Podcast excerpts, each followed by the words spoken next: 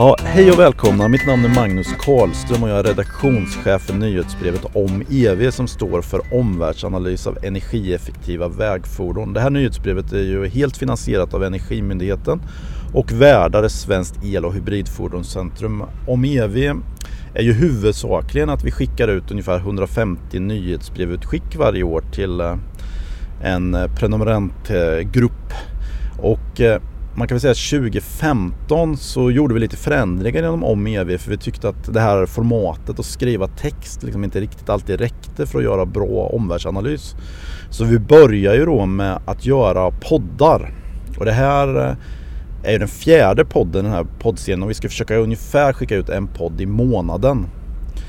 Eh, och dagens podd ska ju handla om att vi ska försöka göra en ehm, en tillbakablick på 2015 för att försöka ta fram de viktigaste trenderna som vi har sett. Och idag så har jag samlat mina redaktionskollegor eh, Helena Berg och Martin Borgqvist för att diskutera vad som egentligen hände 2015 och om det är några spännande trender från det året som vi vill eh, ja, förmedla och fundera kring. En viktig nyhet för Om EV var ju att Martin började jobba med oss förra året också och han eh, ska ta upp sina spaningar nu och för att förära lite vad det är för typ av eh, ämne som man ska börja med så kan man säga att vi sitter i en Tesla Model S och kör runt i Göteborg och eh, ja, tittar lite på vår stad och känner hur det är köra elbil. Vad, vad är din första trend egentligen Martin?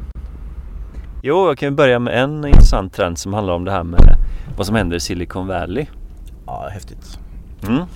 För det, det, finns ju ny, där finns ju faktiskt nya, en ny elbilstillverkare som heter Tesla då som kom med Model X. Den kom ju äntligen till sina kunder då. Den släpptes ju för några år sedan men nu är den liksom till hos kunder då. Men sen finns det faktiskt ännu nyare tillverkare eller ja, Kanske tillverkare. Kanske tillverkare kanske man ska säga. Precis, det var bra. För att dels så finns det ju, ett, eller så ryktas det ju att Apple håller på med någonting som, eh, som har med elbilar att göra och det är ju det, kän, det känns lite grann som en, eh, vad ska man säga, de, de, de ja, ryktet liksom eh, för, göder sig själv. De gör inte så precis. mycket eh, direkt åt, alltså det, det finns, ja de potentiella elbilskunderna till Apple då, de, de liksom håsar det här själva och det, liksom, det finns något projekt som heter Titan och... Precis, men Apple är ju lite så här, de har ju en sån här förkärlek och de behöver inte ens göra produkter. De kan ju bara rykta som produkter så säljer de. Precis. Det är gamla klassiska mycket snack och lite verkstad. Ja precis, fast de, de går ju rätt bra liksom. Så. Jo, jo, men i bilsammanhanget ja, då? Ja, mm, precis. De bara gillar att, ryktet om att de ska göra det kanske. Precis, och jag menar det har ju verkligen varit någonting som, eh, som ja, det är ett stort rykte inom elbilsvärlden ja. förra året var det ju helt klart.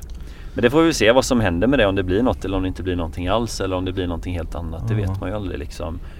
Eh, sen så är det ju Google jobbar ju sedan många år med självkörande fordon. Mm. Eh, också ett exempel på ett Silicon Valley-bolag då, som, är, som inte är ett traditionellt bilbolag men som, som är inne i det här området. Och sen så var det ju ett ett helt nytt bolag faktiskt som man ja, pratade en del om förra året och det var de här Faraday Future. Ja, skrev inte du om det i december? Jo, då hade vi ett, eh, eller ja, det var nog till och med i år va? Ja, det var till och med ah. första utskicket i år. Ah, Så var det ja. Vilken Precis. bra start på året. Ja, visst ja.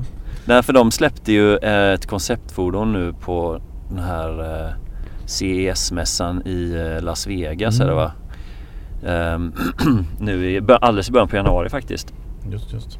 Men det var ju liksom, det, det var ju också sån här eh, en lansering och, av det här företaget då som föregicks av väldigt mycket ryktesspridning. Mm. Var liksom, det, var, det var hemligt vem som var VD och man visste inte var pengarna kom ifrån. Och, mm. och de liksom hade lyckats rekrytera massa duktigt folk från, eh, ja jag tror det var från Tesla bland annat ja. men även andra ställen då. Och de, eh, de, skulle, de hade någon idé, de har ju någon idé om som inte bara har med bilen att göra utan någon slags mobilitetstjänst då. De som... Ja just det, det där är spännande alltså.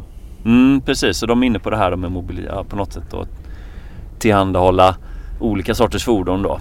Men de släppte ju någonting som, som eh, det här tyska nyhetsbrevet Elektriv då kallar för en eh, elektrisk Batmobil kan man säga. Ja, just det.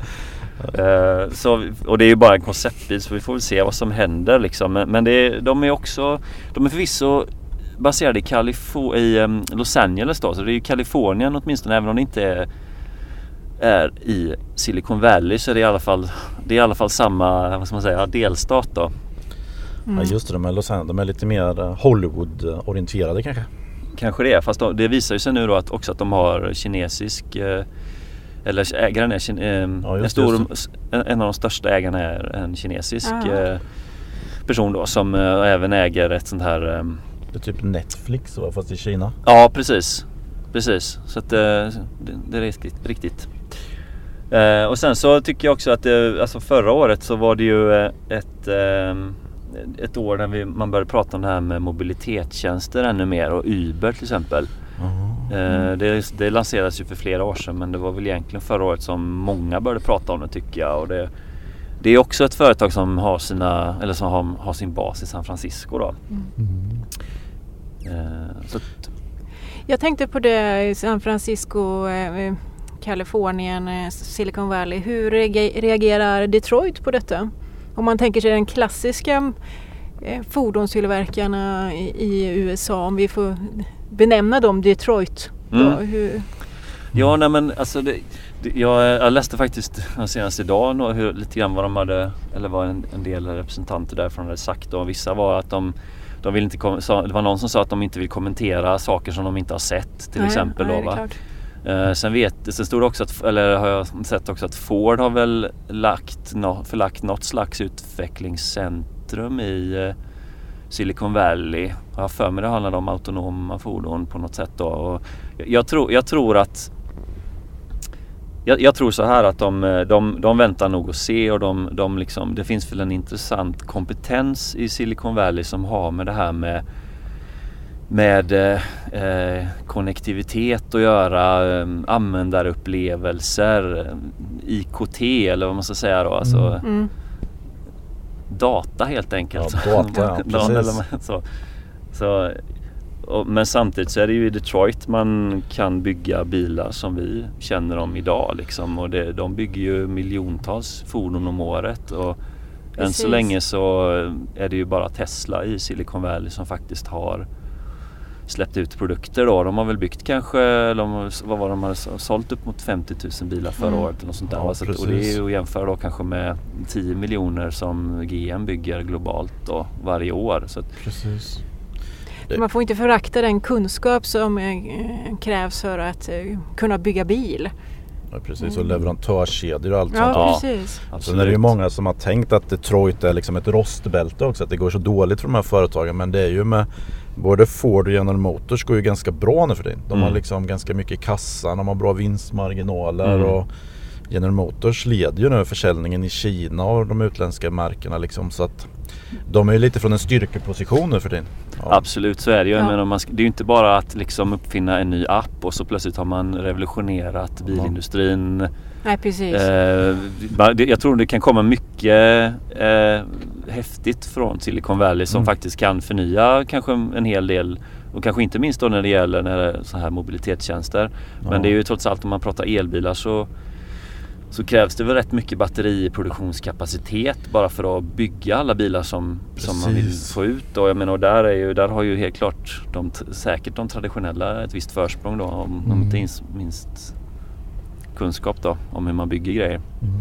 Men vi får se, det är en spännande trend i alla fall. Absolut och vi har väl tänkt oss att vi ska försöka bevaka den trenden lite mer noggrant nästa år också. Mm. Eller i år menar du ja. ja. I år, just det. Man blir lite Jag sådär hänger, hänger början på fortfarande året. inte med. Ja, Ja, så nej. är det. Jag är fortfarande 2015. Lite långsam. Ja. Ja, vi åker ju runt som sagt var i Göteborg här och eh, det är ju så att här i Göteborg så går det ju runt en grön buss nu för tiden. Mm. Som vi har, eh, inte enbart den bussen men eh, den eh, drivlinetekniken som den har i sig har vi pratat om mycket förra året, 2015. Vad är, vad är det vi har fokuserat på Martin? Jo det är ju såklart elbussar då. För där hände det också en hel del förra året. Och det var Ja, ju, till exempel så invigde man ju den här demolinjen i Göteborg. ja, Där man kör elbussar och laddhybrider. Och sen så har man ju en busslinje i Stockholm där man också kör laddhybrider. mm, Och sen är det ju flera svenska städer som Mm. har provat en elbuss då eh, under, ja, under förra året. Och, ja, det känns som att eh, ja, det är en, en allmän trend liksom det här med elbussar. Och Hybrocon till exempel, ja. en busstillverkare som finns i Umeå. De börsintroducerades. Och, ja. Det ja. händer en del. Det är inte varje år vi har ett nytt bilfordonsföretag i Sverige. Nej, precis. Eller det har ju funnits förut men att eh, det har blivit börsintroducerat. Mm. Mm. Nej men absolut, så det ska bli spännande att se vad, hur det går för dem. Ja. Och sen var det lite kul också, eller intressant att Volvo lanserade ju en, eller släppte en rapport som, där de liksom argumenterar väldigt mycket för elbussar utifrån samhällsekonomiska vinster då. Så det känns ju som att de, de har ju verkligen valt, eh, valt inriktning när det gäller stadsbussar då. Att eh, el är det som är, som är bäst totalt sett då. Så det är intressant att en tung spelare argumenterar hårt för det. Just det, det var samhällsekonomiska kalkyler. Vad, vilka olika faktorer tittar de på då och vad var det, var det någon som stack ut liksom av faktorerna? Ja, de tittade ju på energianvändning och utsläpp då, eller det var väl egentligen användning av fossila mm. bränslen och sådär mm. va. Sen så var det ju buller och så var det mm, restid eh, bland annat då. Mm. mm. Ja det är spännande alltså den här elbussanvändningen. Eh, att det är mer och mer. Eh, men tycker du att eh, vi kan säga något mer om elbussarna eller ska vi gå vidare med spaningarna? Ja, nej, det jag tror det. Vi kör vidare med spaningarna. Ja. ja. Ska vi gå över då till Helena då här som i stor utsträckning bevakar batterier för om EVs räkning. Det är ju många av läsarna som vill veta mer och mer om batterier och Helena har ju lång erfarenhet. Och ja, vad tänkte du? Vad, ja. vad var det för något som hände egentligen inom denna? Min eh, spaning då från 2015 eh, vi, vi, skrev inte så mycket om det men eh, det skrevs desto mer och snackades på andra ställen om det och det är ju Teslas Powerwall Absolut. som en liten föregångare för det här eh, med stationära tillämpningar. Och vi skrev om i höstas att det är endast 22 procent av världens installerade produktionskapacitet för fordonsceller som utnyttjas idag. Så är det. Och eh, alla vill väl ha den här eh, produktionskapaciteten i sitt land och olika makthavare finansierar hit och dit och så. Eh, dels för att ta upp kampen som ett batteriproducerande land, förse sin egen fordonsindustri med, med celler. Men, men ursäkta då, ja. men är det, är det alltså att 22 procent av av det de liksom vad man har sagt ska komma i elbilsväg. Det är 22 procent av det som det Nej, finns. Nej, 22 procent av den batteriproduktionskapacitet, alltså fabrikerna utnyttjas bara till 22 procent. Ja, okej, okay, då fattar jag. Mm. Eh, och att ett sätt då att ut, öka utnyttjandegraden i fabrikerna det är ju då att se vad kan vi göra eh, av de här cellerna annat än fordon? I och med att vi inte köper så många elfordon som mm som eh, man har förutspått. Då. Och fordonsanpassade celler de är hyfsat eh, lämpade för stationära tillämpningar och definitivt mycket, mycket bättre lämpade än till, till exempel mobiltelefonsbatterier. Mm. Så det är inte så konstigt att man eh, gör då en powerwall eller liknande då av fordonsceller. Ett sätt också är ju att eh, skaffa sig eh, en liten maxposition inom celltillverkning. Ja, precis. I, idag är det bara egentligen Samsung, LG Chem och Panasonic som gör ordentligt med eh, celler för fordon. Gigafactory är inte uppe äh, än men ja, Gigafactory är all ära men det är ändå en Panasonic-produkt som ligger till grund. Ja, absolut, att, så är det. det hur man nu rubbar den här maktbalansen med, från eh, Asien-dominansen, det får vi se. Eh, och jag tycker den allmänna debatten om batterier har skiftat lite åt det här med stationära tillämpningar. Stationära, ja det har blivit mycket starkare, ja precis. Ja, när jag började med batterier på 90-talet så var det ju mobiler, mobiler och laptops. Mm. Sen smög sig elbilarna in och eh, det har vi diskuterat väldigt länge, elbilsbatterier. Mm. Men nu, nu, så börjar de här stationära tillämpningarna att uh, komma på tapeten. Det hänger det ihop lite grann kanske med att uh, kostnaden för till exempel solceller mm. har gått ner ganska mycket ja, de senaste absolut. åren? Det hänger säkert ihop med det. Mm. Det borde det göra. Och det allmänna miljömedvetandet. Absolut. Just det. Men, men kom, för jag tycker man läser eh, emellanåt om olika till exempel elbussprojekt och elbilsprojekt där man ska göra någonting med batterierna efter fordonsapplikationen. Till exempel då lagra solel. Vad, vad, vad, tror du om det? Liksom? Kommer, man, kommer det funka eller kommer man behöva olika typer av batterier? Ja, jag, ska säga att, jag ska inte säga att det inte kommer funka men det kommer vara väldigt svårt. Varför det? Eh, att veta, för det första veta hur mycket som är kvar av batteriet. Du kan ju göra en kapacitetsmätning. Mm. Men hur länge eh, håller batteriet? Mm. Vem vill stå för garantierna? Och eh, ska du blanda och ge batterier från olika fordon, olika fordonstillverkare i din solcellsapplikation så blir det väldigt svårt skulle jag säga att hitta en balansering i det här så att inte batterierna de dåliga sliter ut de bättre fortare mm. och så vidare. Så mm. det, det, är inte bara att ta en plug and play utan man måste tänka några gånger där emellan. Precis. Men något som jag tyckte var intressant med Powerwall också det var ju den här, dels man märkte ju liksom hur mycket media det vart om det. Ja. Det var ju liksom helt sjukt nästan. Alltså hur mycket det stod i alla tidningar och liksom Elon Musk skulle rädda världen och så. Och det som jag tyckte var så häftigt med Tesla det var ju liksom att de gjorde design av en produkt som traditionellt ska vara två hål i väggen. Något som är ganska tråkigt liksom. Något som mm. ska vara tekniktungt liksom. Och så helt plötsligt gjorde de en Bang Olufsson produkt. Den skulle Precis. vara snygg och den ska se fin ut på väggen och man ska vara coolast i kvarteret genom att ha en powerwall. Alla de där är lite nya, eller som jag uppfattade liksom en ny marknadsnisch att satsa på. Ja. Mm. Ja men jag tror det, för jag menar nu ändå om man tittar då på i alla fall kostnaden för solceller. Ja. Det går ju att, att bygga en anläggning hemma till sitt hus.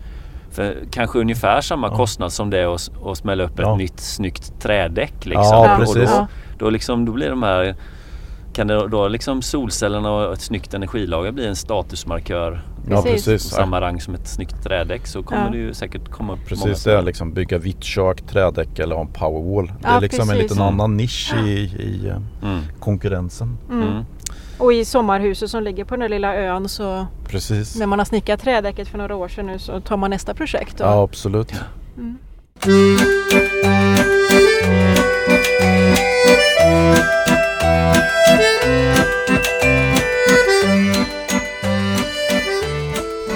Sagt, vi har pratat om Powerwall. Det är en ny produkt och nu, nu har du en annan spaning om ett annat teknikområde som definitivt inte är en ny produkt men som eh, kanske fick en liten revival 2015. Hur mycket eh, ja, nya produkter och planer som blev offentliga. Och vem, vilken typ av... Precis, en revival är precis rätt ord. Eh, tio år sedan senast skulle jag säga. Och eh, det här har jag ett stort frågetecken på om det kommer verkligen slå igenom den här gången. Men det vore kul om det gjorde och det är bränslecellsbilar. Mm. Man brukar ju säga lite spydigt ibland att eh, bränsleceller kommer om tio år och det säger man varje år. Och eh, i, under 2015 så var det två nya bilar som presenterades eh, från eh, Toyota och från Honda. Mm. Och de har ju jättelång erfarenhet av detta och har antagligen inte legat på latsidan de senaste tio åren. För det är väl ungefär tio år sedan de släppte sin senaste Precis, bil. och båda de bolagen kan man inte säga, de är inte riktigt sådana som brukar köra med vaporware att de bara säger bara för att utifall att det kanske blir något utan de brukar ju vara ganska seriösa när de uh, satsar på teknik. Precis, så att det skulle vara intressant att gräva ännu mer under huven där. Mm. Vad, vad är nytt kontra eh, då, tio år sedan? Mm. Men vad, tycker, vad tror du är den främsta anledningen till att ja, till att det blir en revival just nu då för bränsleceller? Det har jag inte riktigt analyserat varför det kom just nu men eh, jag antar att de där två fordonsföretagen Toyota och Honda internt mellan sig tävlar ganska eh, friskt och då släpper den ene så släpper den, måste den andra släppa också. Så att mm. Eh, de har väl taggat varandra på något sätt där. Men annars vad som vad som har gjort att det är just nu, det har jag inte koll på tyvärr. I dagsläget skulle jag säga att eh, bränslecellsfordon är inte en konkurrent till eh, batterielbilar utan snarare ett komplement. Absolut. Så är det absolut. Så, så pratar ju även Toyota Honda. Precis och det kanske då när det inte finns några diesel eller bensinbilar då kan man börja snacka om räckvidd, kostnad eh, och andra features då, som skulle kunna göra att de konkurrerar med varandra istället Precis. för att komplettera. Toyota hade ju den här väldigt roliga, de släppte ju sin långsiktiga plan fram till 2050 förra året också. Och då var det ju att 2050 ska inte vi sälja några förbränningsmotorer längre. I princip de hade, jag vet inte, kanske var några procent. Men att de helt i princip skulle liksom gå ifrån förbränningsmotorn till 2050 liksom. Mm. Mm. Och de är ju kända för att jobba lite systematiskt. Ja. Så att jag menar jag minns för några år sedan när de pratade om att 2020 tror jag var, skulle hela deras modellprogram vara hybridiserat. Mm. Ja. Och de är väl på god väg där. Absolut, Precis. så är det ju. Så att det, ja. Så de, de är lite mer så att de brukar göra det de säger Ja. och inte bara säga vad de ska... De är lite tråkiga Ja. att bevaka för man kan läsa dem en gång för tio år sedan och så kan man komma tillbaks tio år senare Mm. så är de, är de samma riktning. Liksom. ja, Mm. precis. Så då skulle man egentligen gå tillbaka bland nyhetsbreven till 2000 någon gång då, 5 Ja, eller precis. 2006 och kolla då vad som... Vad stod det då? Det stod 2015 tror jag. Ja, antagligen så Men- gjorde det det. Mm. Mm. Ja det är spännande. Var det något mer du tänkte runt bränsleceller? Nej, men det ska bli jättespännande att, att följa. Absolut. Här i Göteborg så, nu är vi ju en bit ifrån den men det finns ju en vätgastankstation som kom upp Ja, precis. det här Det året. var ju faktiskt 2015 Så om vi gasar riktigt fort Sverige. så kanske vi hinner dit på den Mm. här uh, turnén. Eh, absolut men eh, ja, jag tror också det blir en spännande utveckling runt bränsleceller. Då. Men eh, jag tänkte då själv fundera lite runt mina huvudsakliga områden som jag tyckte var intressanta 2015 och den första jag tänkte ta upp är vi har ju alltid lite bevakat det här området men kanske inte så mycket som vi började göra förra året. Alltså, och det är laddinfrastruktur. Och det är några saker som hände förra året som, som var liksom Det var ganska mycket den sver- svenska debatten men det liksom, finns globalt egentligen kan man säga. Det ena är ju den här eh, att man har ju satt upp snabbladdare som man började ta betalt för förra året och det blev liksom en debatt om när ska man börja ta betalt och eh, de här laddbilskunderna som börjar, är de besvikna på att de måste börja betala och de som levererar de här laddstationstjänsterna tycker ju att man måste ta betalt för att kunna ha en bra service och service är viktigare än att det är gratis. Men hur, hur tar de betalt? De, de, jag har för mig Det jag läst finns att ju det framförallt är liksom per, per laddtimme då, eller Ja det finns ju två modeller antingen per tid eller per kilowattimme då. Ja, ja. Mm. Mm. Och det, det finns ju det här med timme kan ju vara exempelvis då. Exemp, det jag känner till då lite i Holland är ju att eh, man laddar ju inte hela tiden man är inkopplad ofta utan de här normalladdarna så är det inte alls ovanligt att man kanske är ikopplad i fem timmar men du laddar bara två timmar. Mm. Och då tar man ju upp en laddplats för en annan eh, Mm. möjlig Ja. laddare. Och, men om man tar betalt per timme så kanske det, eller per tid och så fin- och möjliggör du att någon är intresserad av att faktiskt flytta sig. Mm. Precis. Så att det är ju en argument. Men, men några andra saker som är intressant med laddinfrastruktur, även om det hände 2014 så kom ju då EU-kommissionen med ett direktiv om alternativa inf- alternativ infrastruktur då och det är ju, bygger ju på att de vill att hela att typ el, vätgas och naturgas att man ska kunna röra sig fritt om man tankar de Mm. bränslena i hela Europa. Det var där de Ja. sa att man ska ha si och så många Ja, laddpunkter i och det sen, och det landet. och sen och för, förvandlades ju det för många av medlemsländerna var emot de här väldigt eh, krävande målen då. Men en, ett resultat var ju att varje medlemsland i EU måste ta fram en plan hur man ska jobba med liksom de olika alternativa Mm. bränslena och då är det ju lite aktuellt att man liksom hur många stationer ska vi ha i Sverige, hur ska man stödja det och så. Och Näringsdepartementet håller ju på i Sverige med att ta fram en handlingsprogram för liksom hur man ska satsa på de här olika infrastrukturerna och det gör det ju lite mer skarpt liksom för någon gemensam strategi och så är det ju också så att, att Energimyndigheten har ju ansvaret för att samordna det här i Sverige. Mm. Plus att det har kommit in pengar i systemet och både det här klimatklivet har man ju till och med eh, öronmärkt pengar för just laddinfrastruktur. Men det är inte bara för snabbladdning väl? Utan nej, det är nej, utan det är för- både normalladdning ja. och alla kan ju söka utom privatpersoner. Mm. Så även bostadsrättsföreningar och så kan ju söka. Är de här olika direktiven då från EU, eller kanske inte direktiv, men, men eh, rekommendationerna hur många laddstolpar och så vidare man ska ha baserat på hur folk bor. Jag tänker mig att alla egentligen som bor i villa borde ju kunna ha en elbil och ladda hemma Precis. till största del. Men det är ju, argumenten är ju att man ska ha en publik laddinfrastruktur också och då nämner man ju den här siffran en publik laddpunkt per 10 laddbilar då. Ah, som ja. ett Mm. Men man skriver ju också att man är speciellt intresserad av tätorter, att det ska bli, att man ska kunna röra sig fritt. Då. Men det blir, det blir nästan lite planekonomi över det då? Ja, lite så. Att, eh, För man kan, man kan ju Jag menar hur jobbar elbilstillverkarna? Tesla till exempel bygger ju ut en del ja. egen snabbladdning Precis. då. Och jag menar det finns, jag har för mig att Nissan också har satt upp ett antal platser. Och... Precis, så är det ju. Och det finns ju den här, jag vet inte om ni har sett det men i det här direktivet då så finns det ju mm. krav på vissa standarder att alla måste ha den här eh, CSS kombo snabbladdarpunkten då. Mm. Och om man ska läsa den väldigt exakt då behöver även Tesla sätta upp sådana på alla sina mm. supercharger. Att de har, så fort de sätter upp en ny snabbladdare så måste de också ha den standarden. Mm. Och det kan man ju verkligen fråga sig om det är EUs eh, Ja, för det, ja. Men eh, ja, jag tror inte, det är inte säkert att det ska tolkas så. Men... Nej. Men jag menar det känns ju ändå som att branschen har väl ändå accepterat det här som någon slags de facto standard ändå så att, att tvinga andra, jag vet inte, det, det, det kanske inte är så produktivt. Ja, ja, det känns väldigt tveksamt faktiskt. Men, eh, men det blir ju mer och mer en diskussion om just laddinfrastruktur tycker jag. Mm. mm. Så att den kommer nog följa mer och mer mm. även nästa år. Och det är mm. också den här frågan om man tänker sig att staten ska gå in med pengar då, att det ska bli mer försäljning av laddfordon och så. Hur ska de göra det bäst? Ska de bygga snabbladdare eller ska man satsa på att, att hemmaladdarna kommer igång eller så? Ja. Mm. Så det är mycket frågor runt detta. Mm. Mm.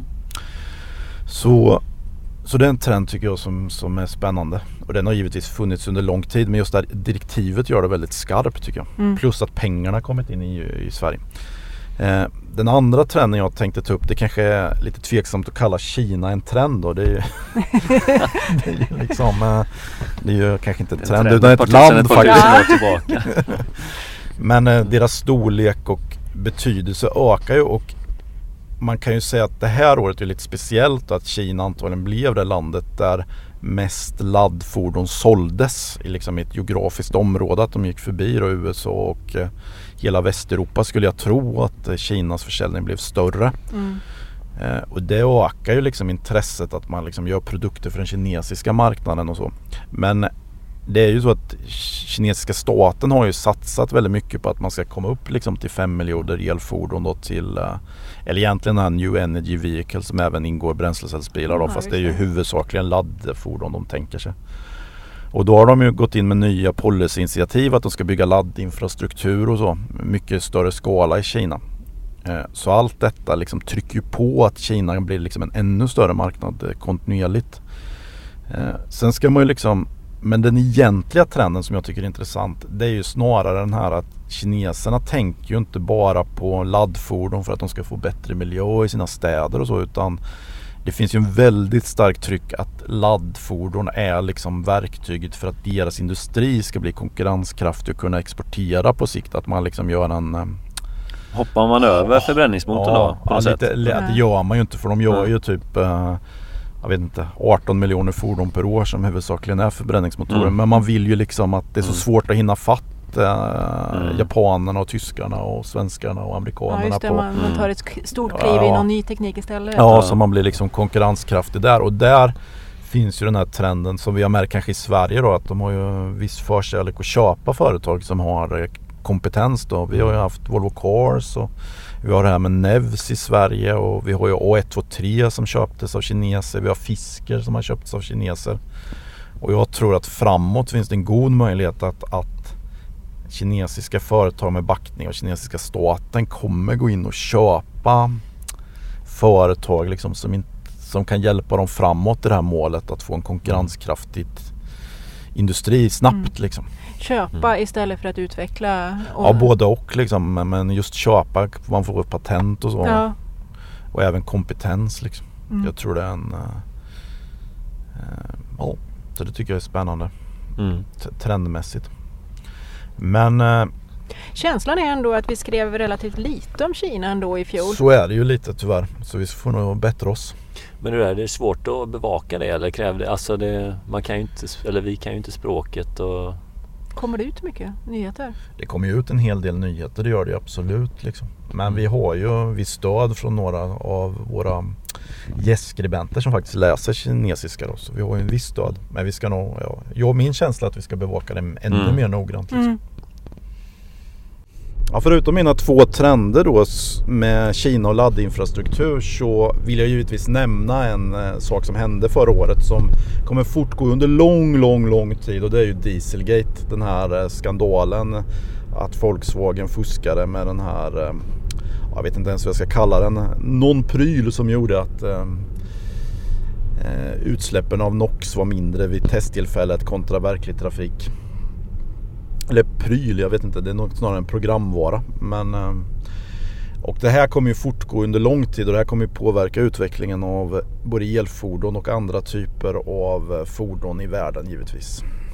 Men eh, som sagt vi sysslar ju huvudsakligen att bevaka elfordon men den här trenden kommer ju givetvis få konsekvenser här också.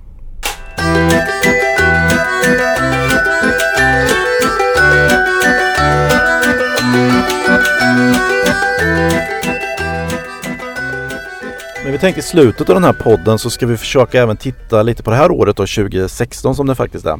Eh, råkar ju, ja, ni hörde ju förut. Eh, och då ska vi fundera lite på, är det några trender som vi kanske skulle kunna hända det här året? Liksom att de blir mer synliga. Vi eh, kallar dem bubblare liksom mm. som kan bubbla upp till något kraftfull trend det här året. Ja. Och vad tror du Helena? Ja, ja, min bubbling här eh, är lite i koppling till din spaning 2015. Att kineserna köper upp. Mm. Jag tror att vi kommer eh, se mycket mer av patentnyheter. Där det står köp och sälj. Okay. Eh, att patent är en del man nu kommer sälja av eller köpa upp och eh, som ett konkret exempel så säljer Google nu 200 batteripatent. Ja, det var häftigt. Eh, och många av de här härrör från eh, Motorola-tiden. Och frågan är vem är det som är intresserad av att köpa de här? Finns det något värde, något intresse för att använda i fordonssammanhang? Men jag tror att det får vi väl se. Men att andra komponenter under huven kommer också komma upp som en handelsvara mer och mer. Mm. Ehm, så det, det, är min bubblare under 2016. Tror du det kommer bli mer sådana öppna patent också här som Toyota gjorde med bränsleceller och Tesla gjorde med sina? Det skulle vara en kul utveckling faktiskt. Mm. För det, tycker man, det hör man ju emellanåt, eller en, en hel del faktiskt, mm. det här mm. med öppen innovation. Att mm. vi, liksom, vi har en ett mål som vi vill att fler ska jobba mot och därför så delar vi med oss och vi vill utveckla tillsammans med andra och sådär. Ja, det, precis. Mm. Du då Martin, vad har du för fundering på? Ja, alltså min bubblare är lite grann, eh, kanske inte så mycket en trend men kanske men någonting, ja, kanske mer av en händelse då eller så. Men jag, jag tänker så här att 2017, nästa år, det vill säga, då är det 20 år sedan Priusen, den första Priusen lanserades. Ja. Och då blir det någon slags 20-årskalas tänker jag mig. Mm. Och då är ju bubblaren i år tror jag. Vad kommer Toyota börja prata om i år som kommer att vara liksom huvudattraktionen mm. på 20-årskalaset? Det, mm. det, ska bli intressant att se. Absolut, jag måste koppla in här då liksom också att eh, jag har fått lite frågor från flera av läsarna. Varför fortsätter framförallt asiaterna att satsa på Prius-typen av teknik? Mm. Alltså det här med fullhybrider. Mm. Är det inte laddfordon som är den nya grejen liksom? Ja. Eh, men man får verkligen känslan att så tycker inte Hyundai, Honda, Toyota och så. De tror att den här kommer vara kvar ganska länge. Ja, ja precis. De har väl varit ganska tydliga med då från Toyota att de inte jobbar eller de inte tror så jättemycket på batteribilar och, och frågan är vad de sitter och jobbar med på kammaren. Så att mm. säga. Ja, precis. Och, och, samtidigt vill de ha fasa ut alla helt förbränningsmotorbilar då. Ja. Så att, um... Precis.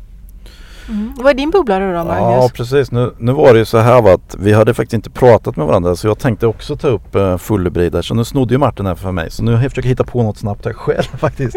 Men det är faktiskt en jag har tänkt på som alternativ som jag tycker är intressant och det kanske inte är så mycket en bubblare men mer att det blir synligt. Och det är ju lätt hänt liksom i vårt område att allt blir personbilar väldigt fort. Att liksom mm. så fort man pratar laddfordon så blir det personbilar som gäller. Och jag tror att det kommer bli mer och mer synligt av andra tillämpningar av eldrivlinor, eh, hybriddrivlinor, typ i anläggningsmaskiner och skogsmaskiner och jordbruksmaskiner. Att det kommer bli mycket mer liksom nyheter om det. Mm. På samma sätt som elbussar ja, var precis. 2015 så kommer det vara andra applikationer 2016. Ja precis. Arbetsmaskiner och så. Ja precis och på vilket sätt och det finns ju mycket man kan säga om detta men själv har jag väl en ambition att försöka skriva lite mer om detta också med liksom arbetsmaskiner. Jag tycker mm. den, det är intressanta den, produkter. Ja, det är jätteroligt. Egentligen tycker jag gods är roligare än personer. Oh. Det får man ju inte säga. får man väl inte säga i det här landet. Precis. Eh, men tack så mycket. Jag tror nästan vi börjar närma oss slutet va? Eller är det något som vill tillägga något? Det här är ungefär som det brukar vara på våra redaktionsmöten. Vi träffas ju en gång i veckan och har de här typerna av snack. Så vi tänkte att ni skulle få vara med när vi... Ja. Vi brukar inte alltid åka Modell S dock. Nej. Vi, eh, vi börjar närma oss garaget och eh, solen sänker sig. Så att risken är väl att isen lägger sig också. Ja, så att, eh, det bästa var att tillbaka innan vi får sladd med elbilen. ja, välkommen till Göteborg. Okej, tack. Tack så mycket. Tack.